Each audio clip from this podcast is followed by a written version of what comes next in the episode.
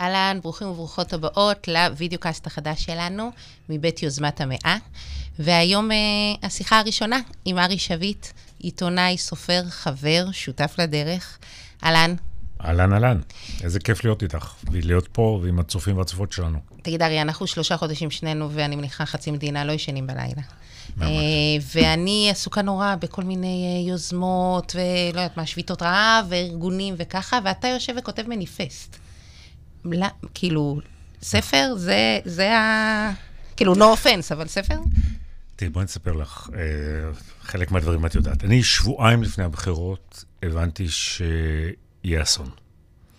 נסעתי לבאר שבע, וכיוון שקצת מזהים אותי, במיוחד בגלל שהייתי בתוכנית של אה, איילה חסון, אז הקהל של מרכז באר שבע, היה לו, הוא עט עליי, בא עליי. ובשלוש שעות בעיר העתיקה בבאר שבע, אה, שמעתי 50-60 אנשים, והבנתי מה הולך להיות. והבנתי גם איזה טעויות מזעזעות עשינו, וכמה היינו עיוורים וחרשים אה, במשך הרבה זמן.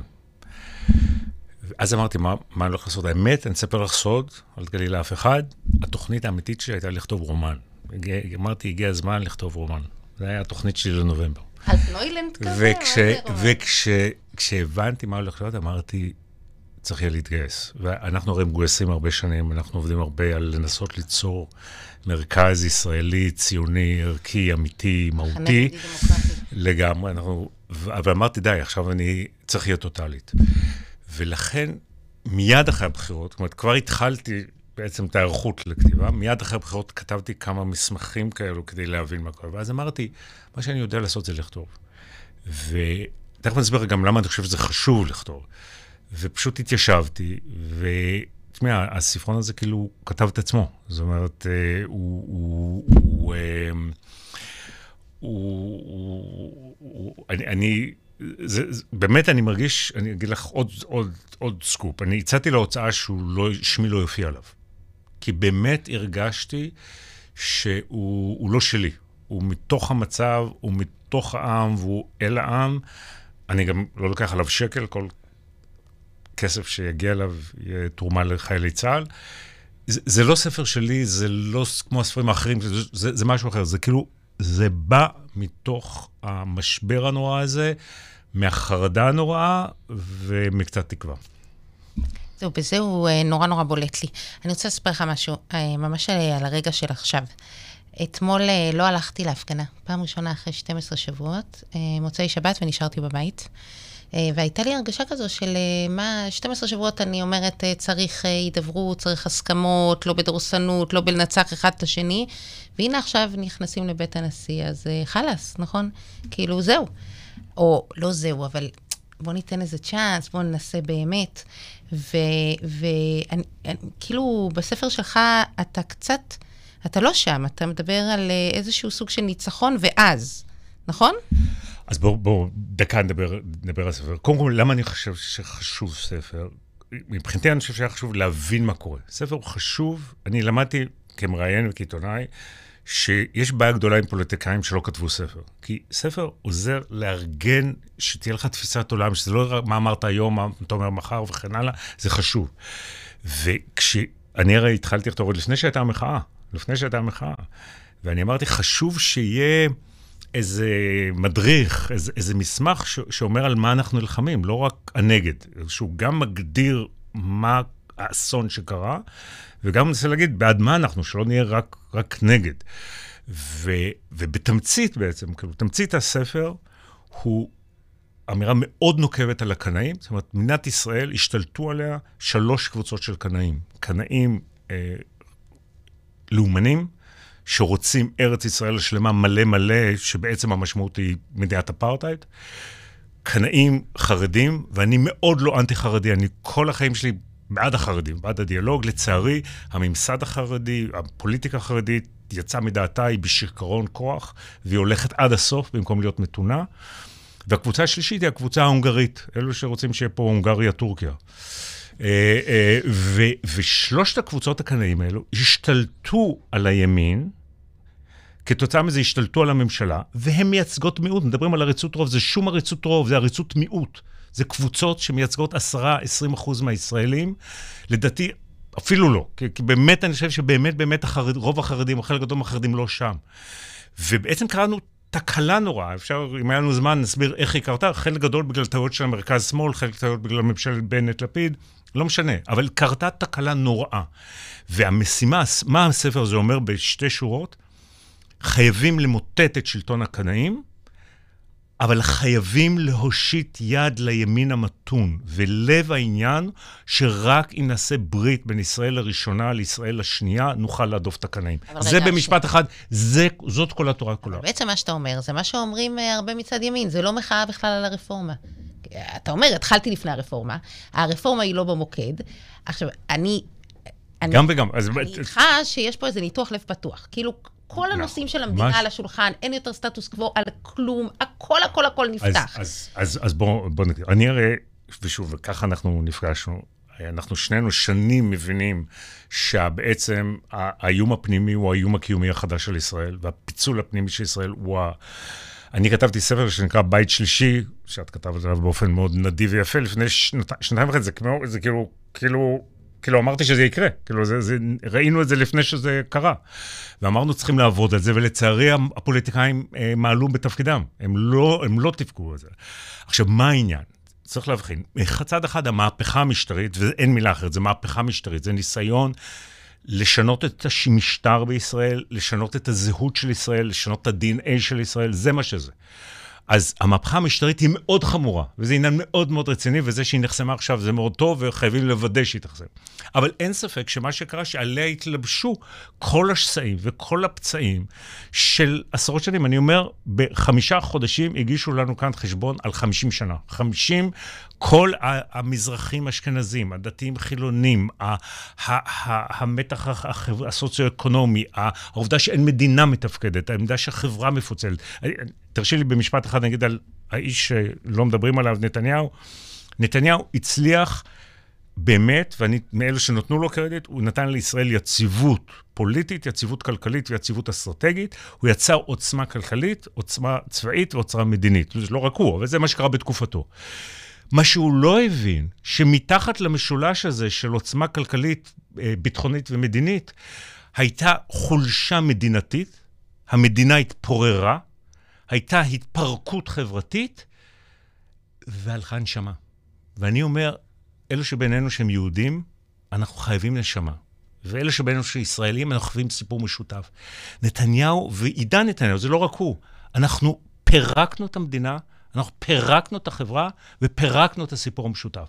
וכל זה מתפרץ. אז מה חיינו? חיינו באיזה start-up nation עם קניון צפוף, עם אחלה חיים ושקט. אנשים, תודה לאל, אנשים לא נהרגו, לא, לא הרבה, לא פחות מאשר בעבר, אנשים לא היו מובטלים, חיו עם כל הפערים, חיו יחסית בסבבה.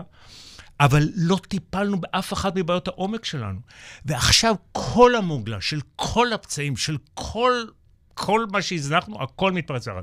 אז התשובה לשאלתך, המהפכה המשטרית היא מספיק עניין חשוב כשלעצמו, אבל הוא ספח אליו את כל השסעים הישראלים, ולכן עכשיו... צריך להתמודד עם משהו שמצד אחד צריך לבלום את המהפכה המשטרית, ושוב, אולי נדבר על איך, איך עושים את זה, אבל אין שום מצב ללכת הביתה. אנחנו מעכשיו במילואים לשנים. לשנים. יש רק שתי אפשרויות. או שמדינת ישראל תתפרק, או שמדינת ישראל תוגדר, ובמובן מסוים תוקם מחדש. אין אפשרות אחרת. האפשרות של איכשהו נחיה ואיכשהו נטייח ונאלתר ובסבבה, אין. אין. כל פצעי העומק... אני איתך, בסדר? אני איתך בזה שכל פצעי העומק כאן, ואין יותר סטטוס קוו, באמת, הכל נפתח, הכל הכל פתוח כרגע. אני מוטרדת אבל מ... מתחושת ניצחון. זאת אומרת, כיוון שאני מאמינה שביום שאחרי, וזה בסוף מה שמעסיק אותנו, נכון? כאילו, תיפתר שאלת הרפורמה כך או כך, יהיה, מה קורה ביום שאחרי, ואני מאמינה שאין... דרך למדינת ישראל להתקיים בלי לכרות מחדש את הברית הציונית, שבמונחים פוליטיים היא אומרת ליכוד, מחנה ממלכתי ויש עתיד. אז במובן הזה, שבוע שעבר, כשראיתי את חבריי, מה זה חבריי? אצלי זה גם משפחה, זה, גם, זה אחי, כל מה שמישהו אומר מלחמת אחים, אני אומרת, רגע, אבל שנייה, זה לא מטאפורי, זה באמת האחים שלי, זה... אז כשאני ראיתי איזו תחושת השפלה גדולה.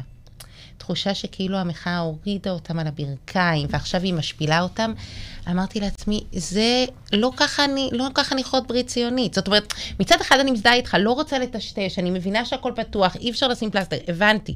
אבל גם לא רוצה לנצח באופן שלא, של, שלא משאיר כבוד עצמי אה, למי שאני רוצה לעשות איתו ברית, שהוא בעל הברית שלי. אין לי אחר. אם, אם מותר להגיד, אני מקווה שזה לא חוצה איזה קו, אחותי את.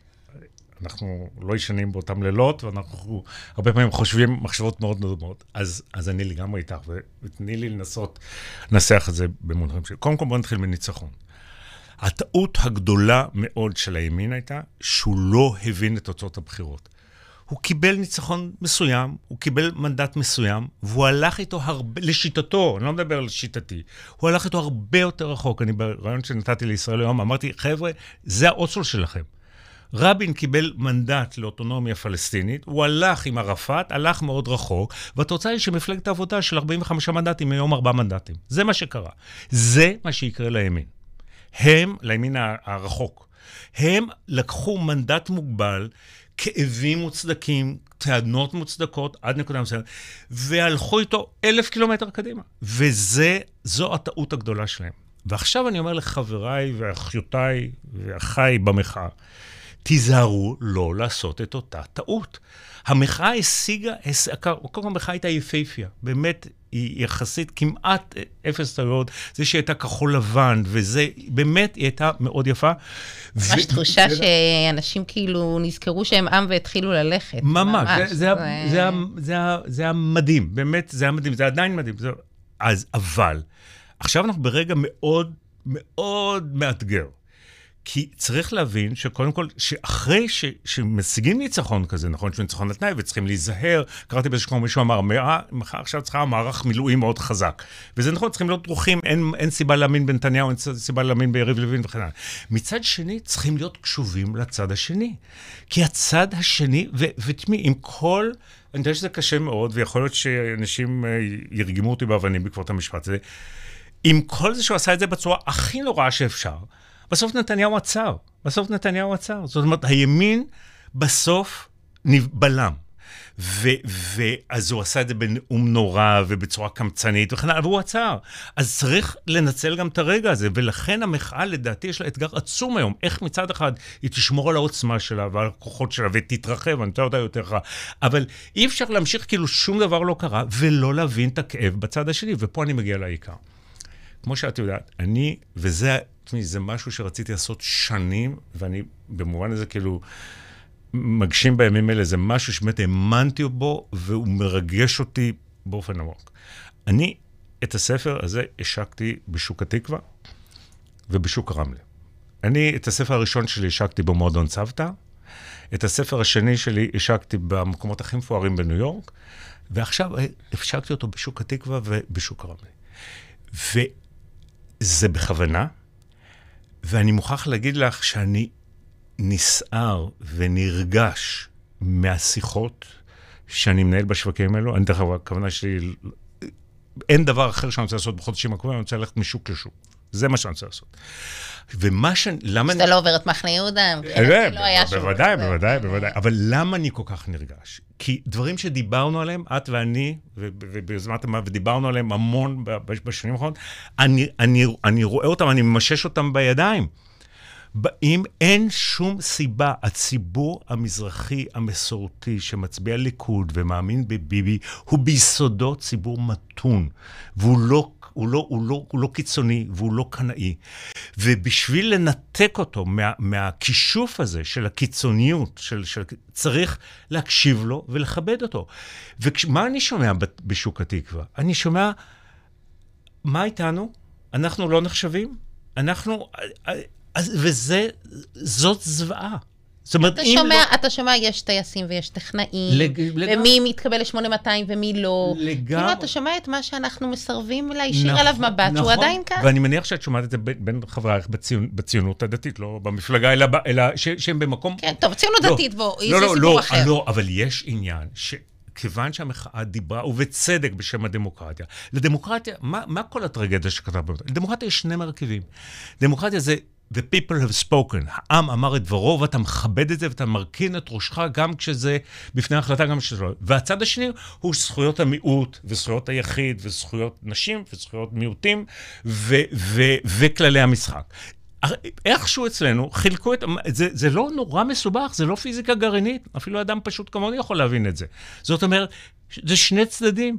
ואיכשהו חילקנו בארץ את העניין, שהימין לקח את הדמוקרטיה בעניין שהעם אמר את דברו, שוב, עד הקצה בלי...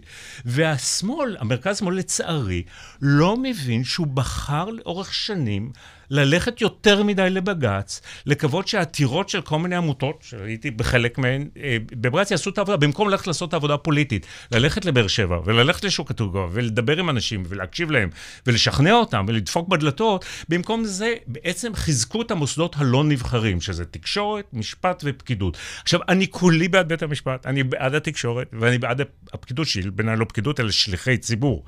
אבל... אי אפשר להתעלם מהצד השני, ש, שכשיש החלטת עם, יש החלטת עם. תגיד קונקרטי, רגע, ולכן, שנייה, ולכן, שנייה, אני מקנקרטת אותך. תן לי דוגמה, נגיד, למקומות ש, שאתה אומר, לא היה צריך להיכנס אליהם. בג"ץ טעה.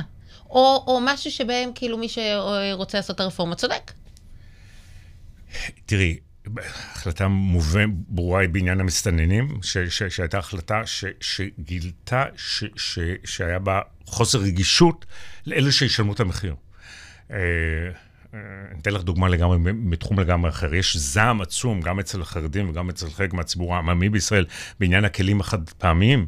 אז אני אומר, אם ליד החלטה על הכלים החד פעמיים הייתה החלטה להטיל מס על מטוסים פרטיים ועל מעדניות שמייבאות אה, פואגרה, הכל היה נראה אחרת. אבל כשאתה הולך ואתה מטיל את הנטל של שמירה על הסביבה, על הקבוצה החלשה בחברה, אתה מעורר התקוממות. כן, למרות שזה לא בג"ץ, זה ממשלה. לא, לא, לא, לא, אני נותן את זה כאנלוגיה. אז באותה צורה, העניין של המסתננים, אם היו מחליטים שהם מפוזרים בכל מיני שכונות ליד אה, שכונות יוקרה בכל רחבי הארץ, באיזושהי צורה כזו, הכל היה נראה אחרת. אבל ברגע שאת ה... מחיר על הליברליות ועל הנאורות משלמת האוכלוסייה הכי חלשה בחברה, אתה מעורר התקוממות. וזה, ו, ו, אני, עכשיו, אבל לאורך שנים, אני, היה, הייתה בעיה, ודרך אגב, לצערי יש, היא קיימת עד היום, שמערכת המשפט, ששוב, אין... אני מאמין בכל נימי נפשי בשלטון החוק ובעצמאות המשפט, אבל רגישות, צריך רגישות. אז העניין הזה של חוסר ייצוג של מזרחים בעליון, הוא, הוא, הוא בלתי נסבל. הוא בלתי נסבל. איך קרה הדבר הזה? ואנשים צריכים לתת דין וחשבון, שוב, לא במובן של ועדות חקירה, דרך אגב, אני חושב, אני אומר לך במשפט, אני חושב שהפתרון הכי פשוט, הראשוני לבעיה, לפני שימצאו איזה מתווה, אם אני הייתי היום עומד בראשות מפלגות האופוזיציה, הייתי מציע מינוי של שני שופטים מזרחיים, שני שופטים מחוזיים מזרחיים לעליון. זאת אומרת, למצוא אנשים שאין ספק שהם qualified, שיש להם את האיכות, שמייצגים את מערכת הערכים, שיהיה אחד ליברל ואחד שמן, לא אכפת לי. אבל אי אפשר להתעלם. עכשיו, אני, אני לא אוהב פוליטיקת זהויות. אבל בשביל להתמודד עם פוליטיקת הזהויות ולנטרל אותה במובן מסוים, אתה צריך להכיר בה, אתה צריך להכיר בכאבים האלו. ותשמעי, בשוק של רמלה, יש שם סנדוויץ' טוניסאי מדהים של בוקוב, זה שהוא באמת טעים ומדהים. הזעם, הזעם על ההרגשה הזו, הנה הגענו כבר. היה לנו כל כך קשה עם כל המעברות והכול, והגענו, ומצבנו כלכלי יותר טוב, וכולם כל כך גאים ברמלה, שסוף סוף יש טייס ראשון מרמלה. והתקדמנו, אבל נשארו המועדונים הסגורים האלה. המשפט והתקשורת נתפסים כמועדונים סגורים שלא קיבלו אותה. את, את, א', זה נכון, כלומר, צריך להכיר בזה שזה נכון וצריך לטפל בזה, וצריך להבין שבאו אחר כך מכונות הרעל והמסיתים למיניהם, וכמובן, ומכניסים כל מיני פרנויה של deep state שהיא מטורפת, ומרעילים את האווירה. אבל אני רואה כל כך... common sense, כל כך היגיון בריא, כל כך יכולת לגעת. אני אומר לך, הריב הגדול בין ישראל הראשונה והשנייה הוא הפצע שהורס אותנו היום, והוא הפצע שהכי ניתן לפתרון. כי זה לא הבעיה שעם המיעוט החרדי, ובאות עם מיעוט ערבי, ואני הכי בעד לקבל אותם ולשלב אותם, הן בעיות עמוקות. נכון. פה אני אומר, בין משפחה ליכודניקית בנתניה, למשפחה יש עתידניקית בגבעתיים, אין פער כזה גדול. אני... אני בא מאירופה, אני, אני לא מושפע כבר מהמזרח והמזרח התיכון, אני לא כמו שהסבים שלי באנגליה היו. והמשפחות המזרחיות, הם אימצו את העניין המערבי, כולם רוצים זהות יהודית דמוקרטית, כולם רוצים ביטחון, כולם רוצים שהילד או הילדה ילכו לטכניון ויקימו איזה סטארט-אפ.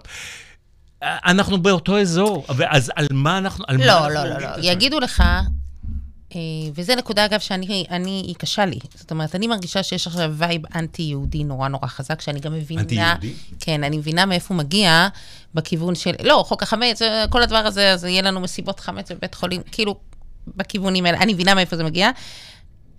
הוא כואב לי מאוד, ואני גם חושבת שאין לזה תקומה. זאת אומרת, המדינה הזו לא יכולה להיות רק דמוקרטית, היא מדינה יהודית. יגידו לך, מה שמפריד בין המשפחה הזו למשפחה הזו, זה שזאת היא שמה קודם כל את הזהות היהודית, ואז את הישראלית, והשנייה להפך. אז, אז תשמעי, אז לכן כל כך היה חשוב שהמחאה הייתה כל כך כחול לבן, ומדברת על מגילת העצמאות. מגילת העצמאות מדברת על מדינה יהודית ועל עם יהודי. אנשים שכולם נשבעים עכשיו במגילת העצמאות, הם נשבעים, אולי הם לא מודעים לזה, הם נשבעים בטקסט סופר יהודי. כן, חוץ, מס... חוץ מסעיף 13, שאותו כולם מצטטים, כל השאר זה... כל השאר זה כן. סיפור יהודי עמוק, שכל הסיפור שלנו זה, פעם למדנו באחד הקבוצות שלנו, למדנו את זה, וזה טקסט מופלא במובן הזה, יש בו, יש בו, יש בו היגיון עמוק, ובאמת, ה- הדמוקרטים נאחזים בפסקה אחת, אבל זה הכל, ותשמעי, וזה לב העניין. כאילו, העצה שלי, גם למחאה וגם למרכז,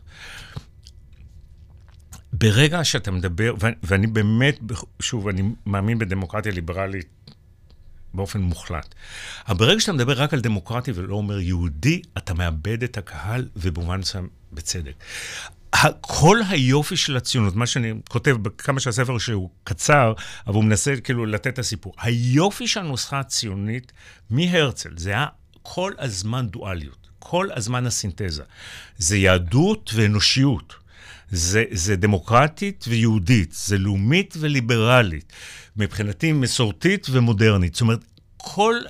זה האיזון. ברגע, האיזון הזה הוא סוד ההצלחה של ישראל, הוא עשה את, ה, את הפלא הישראלי, וברגע שיוצאים מהאיזון, הכל, הכל מתערער. חברי הטוב, חמי פרס, אומר את זה בצורה מאוד מאוד יפה. הוא אומר, מדינת ישראל היא רכבת ש, שיש לה שני, שנוסעת על, על מסילת ברזל שיש לה שני, שני פסים, יהודית ודמוקרטית. אם מפרקים את אחד מהם או מחלישים אחד מהם, היא יורדת מהפסים. היא, היא לא תהיה. אם יש את שניהם, אפשר להגיע לכל מקום. העוצמות והיופי וה, והעושר האנושי שיש פה, אפשר להגיע לכל מקום. ולכן אני אומר, כולנו, בואו נתכנס. אם, אם לי היה כסף היום לקמפיין לאומי, הייתי שם בכל הארץ שלטים ענקיים עם שתי מילים. יהודית, דמוקרטית. זה הכל. ברגע שנתכנס לדבר האלמנטרי והשפוי והנכון הזה, אני חושב שאנחנו אנחנו יכולים להרגיע את הכל. זו שאלה מאוד טובה, כי אני חושבת שאתה מתעלם מזה שכל אחד מהמרכיבים האלה מחזיק מתח פנימי. דיברת על המתח פנימי של דמוקרטי, נכון? שהוא לא ייחודי לנו, אגב, הוא, הוא בכל מקום בעולם. אני רוצה להגיד, יש פה גם מתח פנימי של יהודי, שהוא גם מלווה את התנועה הציונית ממש... הקונגרס הציוני השלישי, אתה, אני לא יודעת אם אתה זוכר, פולמוס הקולטורה, השאלה של היחס בין יהדות לציונות, הם כמעט התפצלו על זה. ויצמן ואחד העם מצד אחד, הרב ריינס והרצל מהצד השני. זאת אומרת, השאלה הזו של מה זה יהודי, זאת אומרת, האם יהודי... כי בוא נגיד את האמת, אומרים מדינה יהודית, מדינה יהודית, בסוף אנחנו לא יודעים, אין לנו מסורת כזו. זאת אומרת, אנחנו צריכים להמציא את הדבר הזה. ואני אומרת את זה כאדם שכאילו סופר, סופר, סופר, כל חייו הם כאילו על הרצף של המסורת. אני אומרת, אנשים אומרים מדינת הלכה. אין דבר כזה באמת. כאילו, אין דבר כזה, הלכה נוצרה לתוך, לתוך עולם של, שאין בו ריבונות. אז אז גם היהודי מחזיק בתוכו מתח מאוד חזק בין יהדות כזהות לאומית ותרבותית, לבין יהדות כדת וכהלכה. ובממשלה הזו אני חושבת שיש איזה ניסיון לאח... לגמרי. תשמעי, שוב, בלב, כשאני מדבר על הקנים, לב הבעיה זה שבעצם באה הממשלה, שוב, שלדעתי רוב, רוב המצביעים עבורה לא רצו את זה, אבל בגלל השליטה של המיעוטים הקנאים, היא החליטה להפוך את זה ליהודית דמוקרטית. זה הייתה החלטה. ו- ו- ועל זה הציבור... לא, אני רוצה לומר שבתוך היהודית... לא, רגע, תכף אני אגיע ליהודית. אז זה קודם כל. עכשיו, אני חושב שחלק מהמענה... תראי, אנשים, אני כל חיי הבוגרים עסוק בעצם במצוקה של היהודים הלא אורתודוקסים. שאני עסקתי, הייתי המון ב, ב, בתפוצות, ב, בארצות הברית ובאירופה, וראיתי את המצוקה, ואני, ואני אומר, הרי היופי של הציונות, זה לא היה רק להילחם באנטישמיות ובסכנה קיומית. זה הייתה ההבנה שאם לא היינו בית לאומי משלנו, אז יהדות לא אורתודוקסית תיעלם. היא לא תקיים. ולכן, באופן פרדוקסלי, מדינת ישראל הרבה יותר חיונית ברור. ליהודים הלא אורתודוקסים. האורתודוקסים יכולים לחיות במנצ'סטר ואנטוורפן, יכולים לשרוד כיהודים.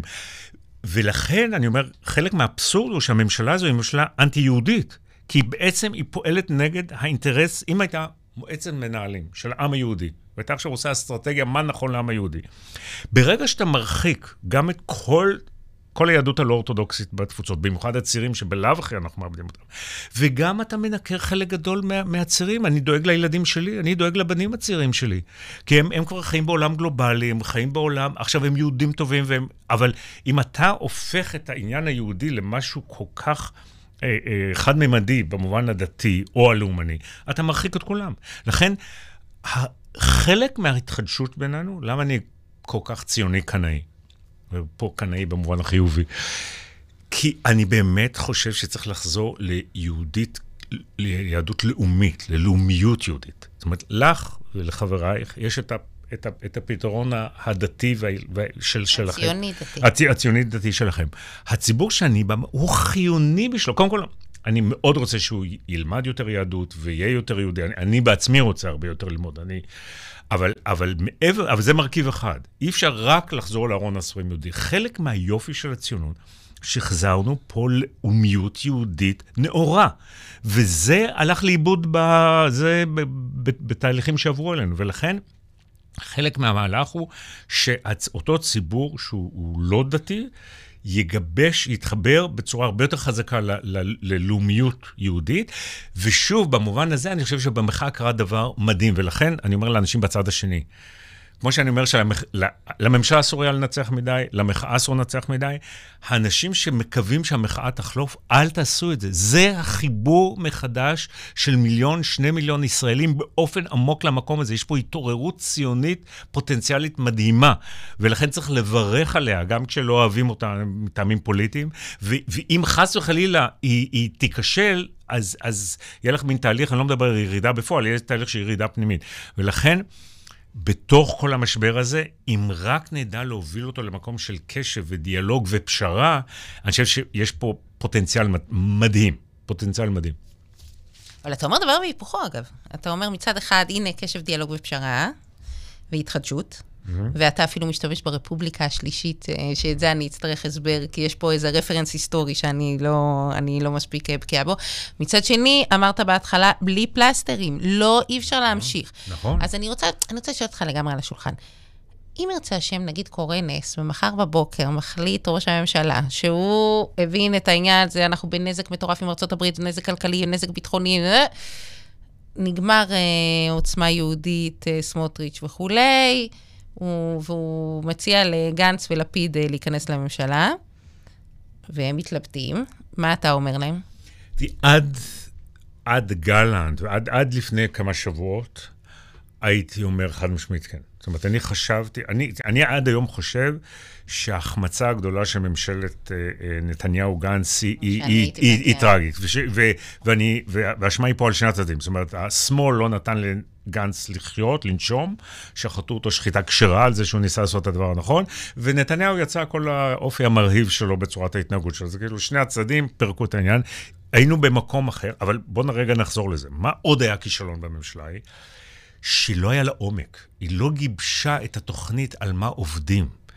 ולכן אני, באופן עקרוני, אני תכף אחזור ספציפית לדאגות שלגבי נתניהו עכשיו. באופן עקרוני, עם נתניהו, בלי נתניהו, אחרי נתניהו, אני חושב שהקמה של ממשלת אחדות של הליכוד, מבחינתי גם ש"ס, אה, אה, יש עתיד, המחנה הממלכתי, ליברמן, אם מפלגת העבודה תרצה לבוא בשמחה, אני, אני חושב שזה זה מרפא, זה מרפא. זה התחלה, סליחה, זה עוד לא המרפא, זה התחלה. אבל היא צריכה להיות ממשלה עם סדר יום שלומדת ממה שקרה לנו ומציעה, אני חושב שיש שורה של נושאים, לא ניכנס כרגע, שהם נושאי עומק, שאפשר, ממשלה כזו יהיה לה תוכן. זאת אומרת, ש, שזה לא סכסוך של ימין ושמאל, אבל זה לא סתם יושבים ביחד ומעבירים את הזמן, כמו שהיה בממשלה ההיא. ולכן, אם נטפל, קודם כל, משהו שדיברנו עליו, בואו, אם נשקם את הממלכתיות, קודם כל נגיע באמת לפשרה האמיתית על הרפורמה המשפטית, אומרת, הסדרת היחסים בין רשויות, זה עניין ענק. שתיים, נשקם את שירות המדינה. אנחנו צריכים מדינה אילן אוהב להגיד את זה, את שמעת אותי, אנחנו צריכים מדינה שתהיה יעילה כמו סינגפור והוגנת כמו דנמרק. והיינו לא רחוקים מזה. היה לנו פעם מערכת מדינתית מאוד מרשימה עם כל הבעיות שהיו, והיא התפרקה לגמרי בגלל ההפרטה והתהליכים האלה.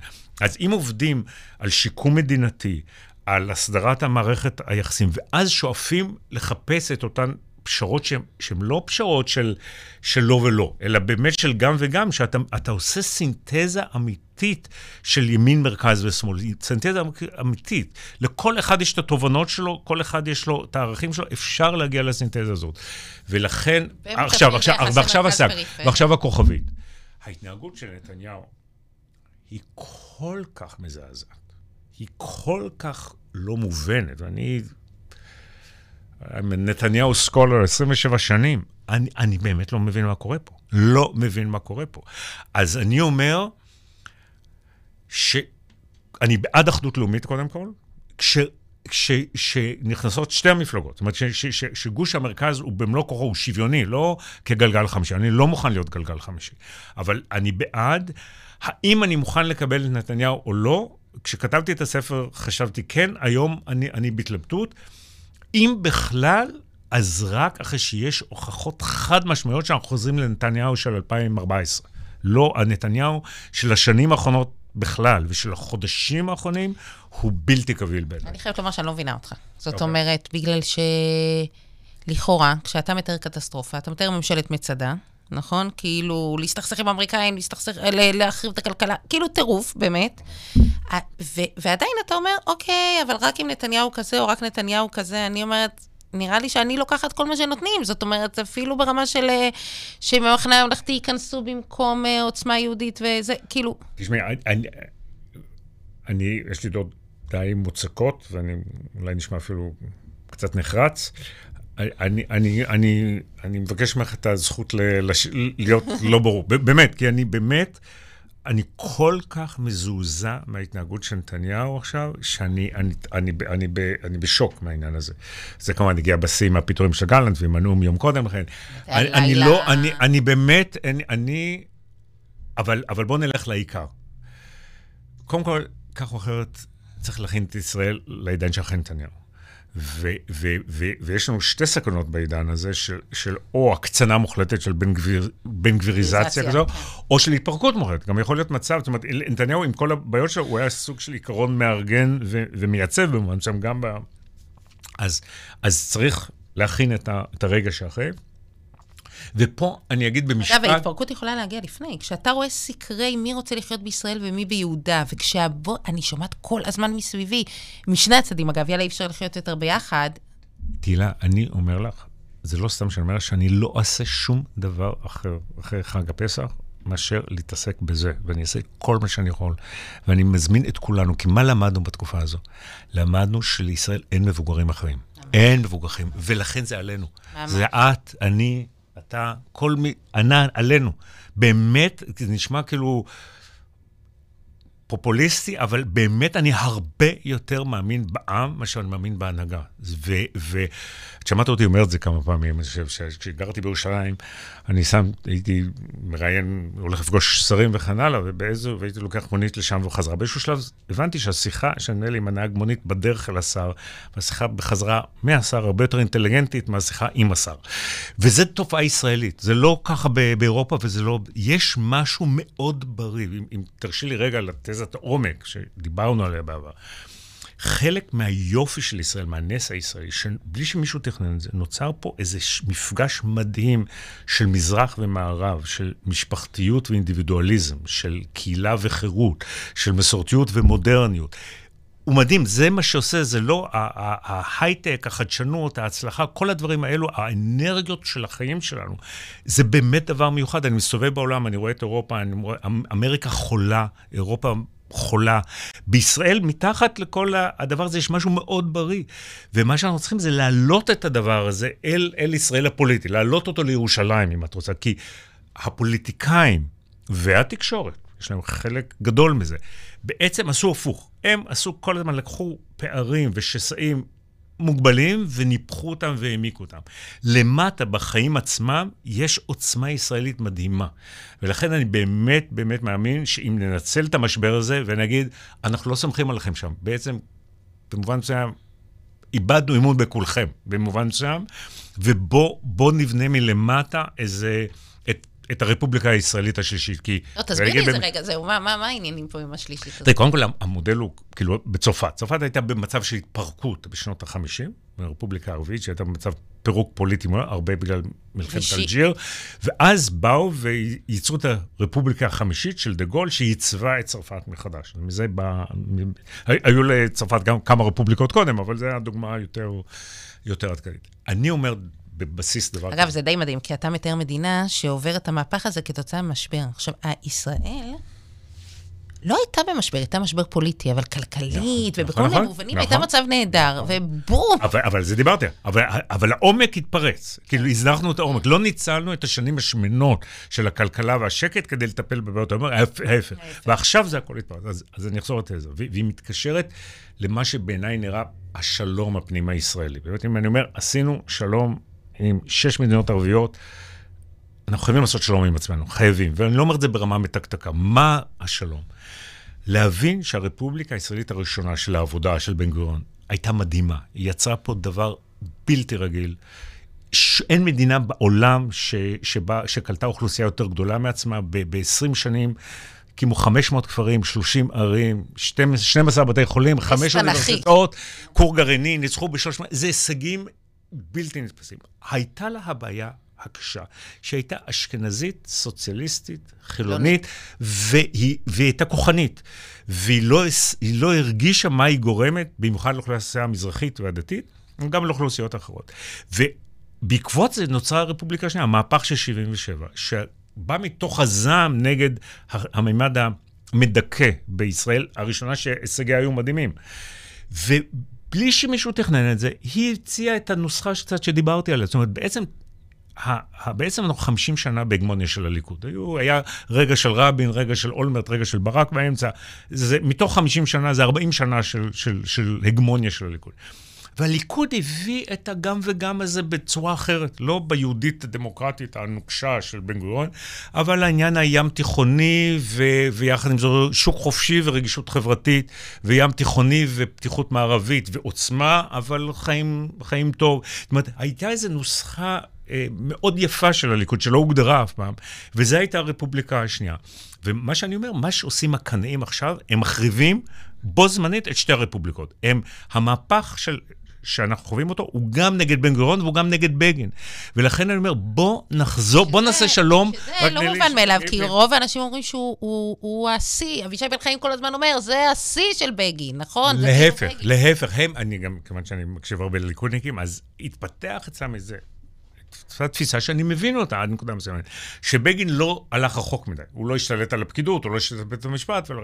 אני חושב שזו הייתה חוכמה של בגין, וזו הייתה חוכמה של המסורתיות המזרחית הרכה והמתונה, שאני באמת מאמין בה, היא, היא דבר אמיתי, אני רואה אותה בכל מקום, בכל מקום.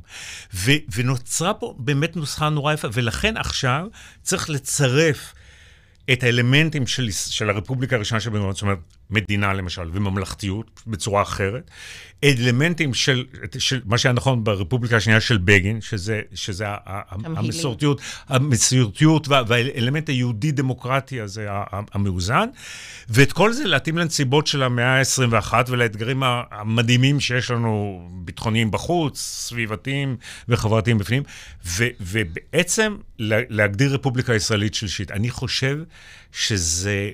זה, חיונ... זה, זה משאלת לב, הפך להיות למשהו ממש חיוני היום, ויש רגעים שאני חושב שזה אפשרי. עם היש רגעים אני מאוד מזדהה, כי אני גם נעה בין רגעים שאני נורא רואה את הפוטנציאל של מה שקורה. אגב, בכל מיני דברים, אתה יודע, אני פמיניסטית. פתאום זכויות נשים הפכו להיות נורא נורא בשיח. אתה יודע, יושבים הטייסים, מדברים עם הרבנים, ואומרים להם, מה, אבל זכויות נשים? אני אומרת, שלום, לא ידענו שאתם בכלל באירוע, כאילו, נחמד, טוב שהצטרפתם. אז, אה, או, או כמו שאתה מתאר, הסיפור הזה של הדגל וההמנון, אתה יודע, לעמוד בהפגנות ולראות אנשים שרים התקווה, אני יודעת איך נשמעת תפילה. ככה נשמעת תפילה. כשאנשים שרים את זה באנרגיה של תפילה, באמת, זה דבר נורא נורא מרגש לראות את זה. יש כאילו, יש רגעים שאני אומרת לעצמי, וואי, אולי זה הרגע החוקתי הזה, נכון, ש, שמיכה מדבר עליו, אבל אז מגיעים רגעים שאני שומעת אנשים אומרים באמת, לא רוצים לחיות כאן יותר יחד. הגענו לקצה, לא מוכנים לשלם, לא מוכנים לזה, לא מוכנים לזה, לא רוצים יחד, ואני מוצאת שקשה לי מאוד, למרות שאני מאמינה בזה בכל ליבי, שאנחנו זקוקים אחד לשני, וש, וש, ושפיצול הוא אסון, אני מוצאת את עצמי מנסה לשכנע אנשים, וזה קשה. יש איזה רגע, אגב, משני הצדדים, שאומרים, אי אפשר. אז לכן, לכן זה רגע של, אה, של להיות או לא להיות, או של make or break. זה ממש רגע... תראה, ושוב, אני חושב שהמפתח הוא להבין את, את הרגש. הציבור שאני בא מתוכו, במשפט הוא נמאס לו להיות חמורו של משיח, והוא הפך למה שאני קורא הדוב הליברלי. הוא התעורר, הוא כועס, הוא פצוע, והוא נלחם, הוא גילה בעצמו כוחות שהוא לא ידע שיש לו, ואז עכשיו בהזדמנות חגית זאת, לא די שנעצור את המהפכה המשטרית, אלא לא, לא נהיה יותר הווסלים של, ה, של החרדים ושל המתנחלים, ו, וזהו, נגמר, נמאס, לא נממן את זה יותר. Uh, עכשיו, קודם כל, עד נקודה מסוימת זה סנטימנט נכון, הוא צריך לקחת אותו למקום קונסטרוקטיבי ולא למקום אה, אה, אה, שלילי. בצד השני, דיברנו על זה, זאת אומרת, יש, יש סנטימנטים שחזרו אדוני הארץ ואמרו, אנחנו ניצחנו בבחירות, והם הבהירו לנו שלא, שזה לא בקלפיות. ומהפכה צבאית, תקשיב, אומרים דברים רציניים, אתם משתמשים בכוח של הצבא, פירקתם את הצבא, זה לא טענה קטנה. אז בוא ניתן לו תורה, זו טענה מאוד. אני חושב ש... תראי, מה שקרה פה, שבשביל... לעצור את הסרטן הזה של המהפכה המשטרית, השתמשו בכימותרפיה מאוד חזקה. ועכשיו צריך להבין שהכימותרפיה הזו יכולה להרעיל את הגוף. ולכן זה הרגע, אומר, לא לוותר ולא להתפשר, אבל להבין, לצד השני יש טענות רציניות. יש טענות רציניות. עכשיו, אני אומר, במסגרת האופטימיות שלי, ואולי בזה נסיים, אה, אני באמת חושב שזה, זה, מה שזה אמר לנו, שמה שהיה לא יהיה. המצב הזה, שכל אחד רק נדאג לכלכלה ונדאג לצבא ונעשה איזה משהו מאוד שטחי, הוא לא יעבוד יותר. אנחנו מדינה ייחודית. אנחנו, אה, גם בגלל שהיא מדינה יהודית, גם בגלל שהיא מדינה דמוקרטית באזור לא דמוקרטי, אנחנו דמוקרטיית ספר. מחכים לנו רגעים מאוד קשים עם שכנינו. יש לנו אתגרים פנימיים בכל מובן בלתי רגילים. אנחנו נהיה חייבים, כמו שבן גוריון ותנועת העבודה קלטו את העלייה המונית, נהיה חייבים לקלוט העלייה מרהט ומבני ברק. זה אתגרים עצומים. ולכן, אם לא נבנה מחדש את המר... הייתי אומר לפי הסדר, אם לא... אנחנו חייבים ליצור ברית ציונית בין הציונות הליברלית, הציונות הלאומית המסורתית והציונות הדתית המתונה, כדי שיהיה לנו מרכז לאומי חזק, שיוכל לארגן מחדש את המערכת הישראלית ואת אותה רפובליקה שלישית. אני, בספר הקודם שלי אמרתי, כתבתי שהדבר הנורא שקרה לנו, שנוצרה צנטריפוגה ישראלית. שמדאיגה אותי לא פחות מהצנטריפוגה האיראנית. זאת אומרת, בעצם הכוחות הצנטריפוגליים כל כך התחזקו, והמרכז נהיה חלול. כלומר, במשפט אחר, כאילו נפער חור, בולען במרכז החיים שלנו. אז המשימה עכשיו היא לבנות, לכונן את המרכז. שוב, אני לא מדבר על מפלגות המרכז, אני מדבר לכונן מרכז לאומי שבו יהיו שותפים הימין המתון, המרכז-שמאל המתון, הדתיים הלאומיים המתונים, ומתוכו ללכת לאיזה, לאיזה אמנה כלל-ישראלית, שבה כמובן כולם שווים, חרדים, ערבים, כולם, אבל היא, היא נותנת משמעות למדינה, והיא נותנת משמעות לחיים המשותפים שלנו. אני חוזר, אנחנו מדינה יהודית, בלי סיפור משמעות אנחנו לא יכולים. אנחנו, זה בדמנו. ותרשי לי לסיים באופטימיות, במה שאת אמרת. אני חושב באמת שהשיבה של הדגל הכחול לבן והשיבה של התקווה, היא מעוררת תקווה. זה, יש סיבה לחרדה ויש סיבה לתקווה. אנחנו בערב פסח, אלפי שנים יהודים מספרים סיפור. באמת, סיפור הוא, ה... הוא, ה... הוא הכוח הגדול, ואנחנו תמיד גורמים בלשנה הבאה בירושלים. ואני חושבת על זה בימים האחרונים, עוד לא עבדה תקוותנו, שזה לא תיאור, זה ציווי. זה כמו לשנה הבאה בירושלים. שרים לשנה הבאה בירושלים, לא כי חשבו ששנה הבאה בטוח יהיה בירושלים, אלא כי זה ה... נכון? כאילו, זה הצפון, זה כוכב הצפון, לשם הולכים. עוד לא עבדה תקוותנו אותו דבר. זאת אומרת, זה, זה לא תיאור, זה ציווי. ועם הציווי הזה ועם האופטימיות שלך, אמן. תודה רבה.